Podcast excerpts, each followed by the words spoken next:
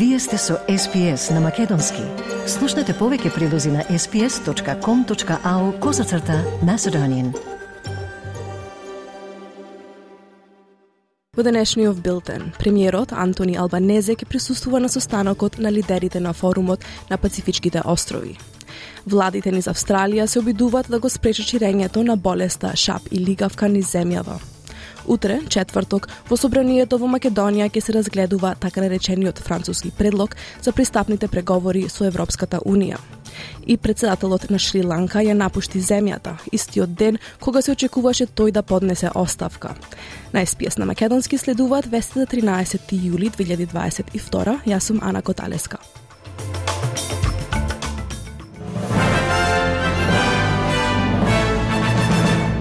Премиерот Антони Албанезе пристигна во главниот град на Фиджи, Сува, за да присуствува на форумот на Пацифичките острови со цел да ги поправи односите по повлекувањето на земјата Кирибати од форумот.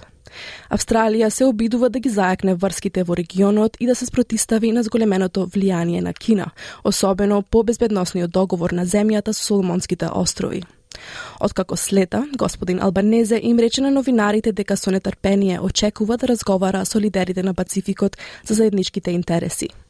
This is a very important gathering at a critical time, and I look forward to discussing the issues of dealing with climate change, of dealing with national security here in the Pacific, and the plan going out to 2050. На самитот ќе присуствува и премиерката на Нов Зеланд, Джасинта Ардерн, со два клучни билатерални состаноци денеска, со Франк Байни Марама од Фиджи и колегата од Соломонските острови Мана Сесога Варе. Господја Ардерн вели дека Австралија и Нов Зеланд биле вознемирени од тоа што Согаваре потпишал подпишал безбедносен договор со Кина предходно оваа година. In China, we have an example of a development partner who's been around the Pacific for decades, but is certainly increasing their activity and changing the way in which they engage.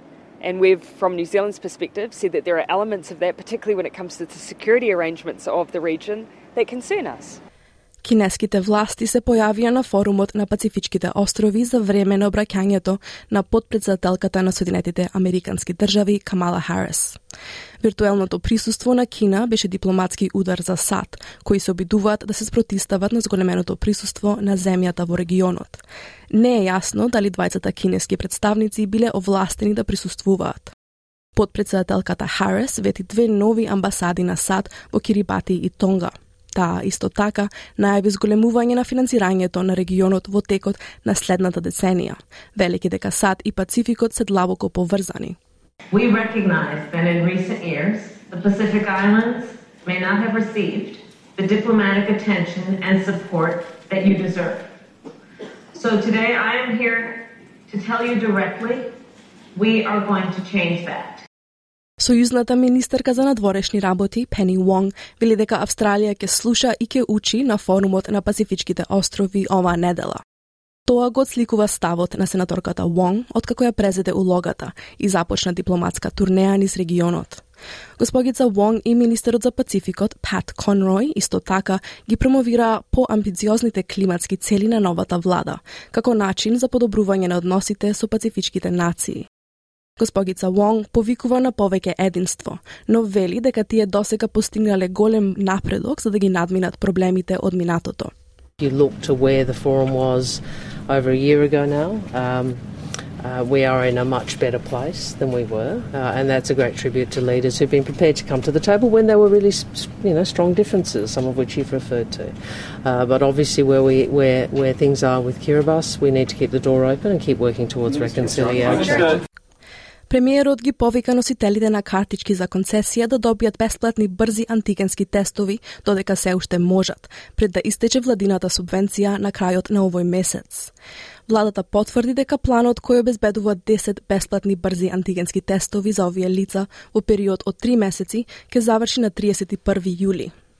Крајот на планот доаѓа во период кога случаите на лицата заразени со коронавирусот повторно се зголемува. Антони Албанезе вели дека датумот на завршување на планот бил воведен од предходната влада, но има и други опции за луѓето кои сакаат да добијат субвенциониран тест. Владите низ Австралија се обидуваат да го спречат ширењето на болеста шап и лигавка во земјава. Оваа недела фармерите ги повикаа патниците од Бали и Индонезија да ги исфрлат обувките пред да пристигнат во Австралија, за да се спречи ширењето на оваа многу заразна болест. Болеста се прошили во Бали минатата недела. Заменик премиерот на Нофижен Велс и министер за регионален Нофижен Велс, Пол Тул, го повтори предупредувањето до патниците. Now, if we see foot and mouth disease here in this country, it could have an $80 billion impact on the livestock industry. This would be disastrous. This would impact on many businesses uh, and their income here in this country. When you have a look at foot and mouth disease, we've done a pretty good job to ensure that we've kept Australia free of foot and mouth disease over the past 130 years. But we've got to make sure that we are leaving no stone unturned at the moment to ensure that we do not see foot and mouth disease here in this country. Две големи австралиски компании се под истрага од службата за приватност поради нивната употреба за технологија за препознавање лица во продавниците.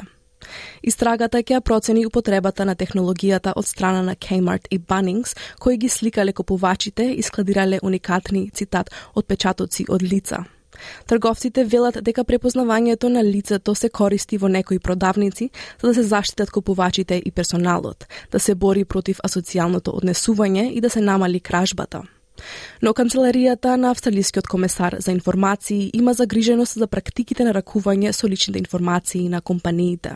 Собраните информации можно е да ги прекашуваат австралиските закони за приватност. Утре во собранието во Македонија ќе се разгледува така наречениот француски предлог и двата придружни документи.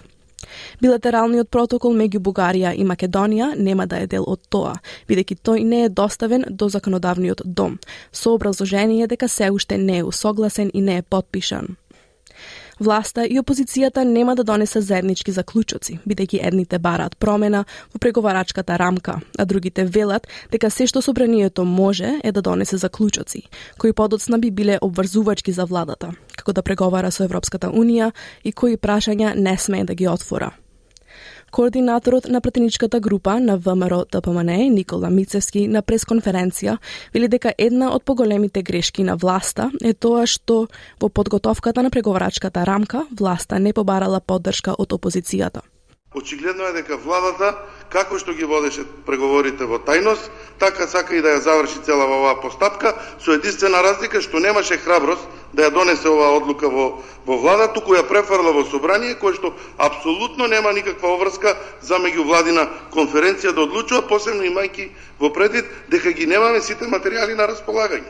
Еве, а протоколот помеѓу Македонија и Бугарија, кој што е основен документ за врз основа на кој што ќе треба да се да се случуваат поднатамошните активности, ние го немаме на увид.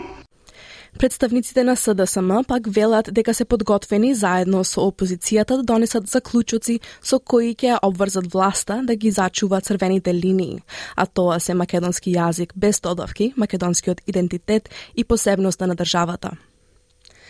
Председателот на Шри-Ланка, Готабаја Раджапакса, ја напушти земјата, истиот ден кога се очекуваше тој да поднесе оставка. Председателот, неговата сопруга и двајца чувари заминаа во авион на воздухопловните сили на Шри-Ланка, кој леташе за Малдивите. Неговиот брат, поранешниот министер за финансии Базел Раджапакса, исто така ја напушти земјата. Помладиот брат на председателот беше спречен да ја напушти земјата 24 часа порано од страна на представници на имиграција, но сега се вели дека тој е на пат кон Соединетите држави. На Комитетот на представничкиот дом на Соединетите Американски држави, кој го истражува нападот на Капитол на 6 јануари, се дискутираше за начинот на кој насилните крајно десничарски екстремисти одговорили на поканата на Доналд Трамп на социјалната мрежа Twitter како повик за вооруженост. Панелот навлегува во она што ја нарекува последната фаза од повеќе страните напори на Трамп да ја спречи победата на Џо Бајден. Комисијата го слушна сведочењето на поранешниот член на крајно десната група Oath Keeper, Ван Татенхов Тој рече дека настанот се толкуваше како вооружена револуција и почеток на нова граѓанска војна. What it was going to be was an armed revolution. I mean, people died that day. There was a gallows set up in front of the Capitol. This could have been the spark that started a new civil war, and no one would have won there. Поранешниот началник за безбедност Донал Харвен вели дека имало рани индикации дека насилните групи планирале да соработуваат. Uh, these non-aligned uh, groups were aligning. Um, and so the, the, the red, all the red flags went up at that point. You know, when you have armed militia, um, uh, you know, collaborating with white supremacy groups, collaborating with um, uh, conspiracy theory groups online, all toward the common goal, You start seeing uh, what we call in, in you know terrorism a blended ideology. НАСА објави нови телескопски снимки на кои е прикажана далечна звезда. Се смета дека напредните технологии со кои е способен овој телескоп ќе го променат начинот на кој луѓето ја гледаат Вселената. Четирите слики представени ја прикажуваат небулата Карина. Amber Stone од НАСА вели дека телескопот е способен да фати досега невидени звезди оддалечени илјадници светлосни години. You sort of get this sense of depth and texture from this new data. The Carina Nebula is a nearby star forming region within our own Milky Way galaxy, about 7,600 light years away. Um, and in this view, we see some great examples, first of all, of hundreds of new stars that we've never seen before. We see examples of bubbles and cavities and jets that are being blown out by these newborn stars. Европската Унија одобри Хрватска да ја усвои европската валута од јануари 2023 година, со што ќе стане 20-тата земја што ќе се приклучи на еврозоната. Валутата ќе ја замени хрватската куна. Ова е првото проширување на валутата по речиси една деценија. Тоа се случува бидејќи девизниот курс на хрватската валута во однос на доларот е на најслабата точка во последните 20 години. Литванија беше последната земја од Европската Унија што го усвои еврото во 2015 година.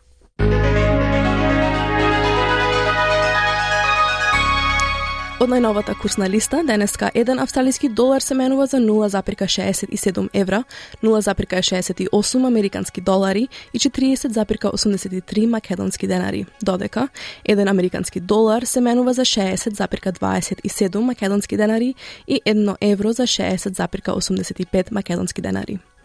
И временската прогноза за главните градови за утре, четврток 14 јули. Слаб повремен дожд за 5 со 20 степени, делумно облачно во Аделаид 15, делумно облачно и во Мелбурн 13 степени, исто и во Хобарт делумно облачно 13. Утрински мраз, а потоа сончево за Канбера 12 степени. Слаб повремен дожд за Сиднеј 16, претежно сончево за Брисбен 20 степени, сончево за Дарвин со 29 и утрински мраз и потоа сончево за Алис Спрингс 18 степени.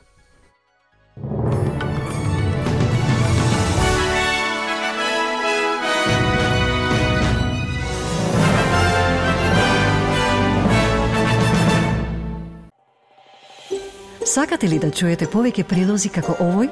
Слушате подкаст преку Apple Podcasts, Google Podcasts, Spotify или од каде и да ги добивате вашите подкасти.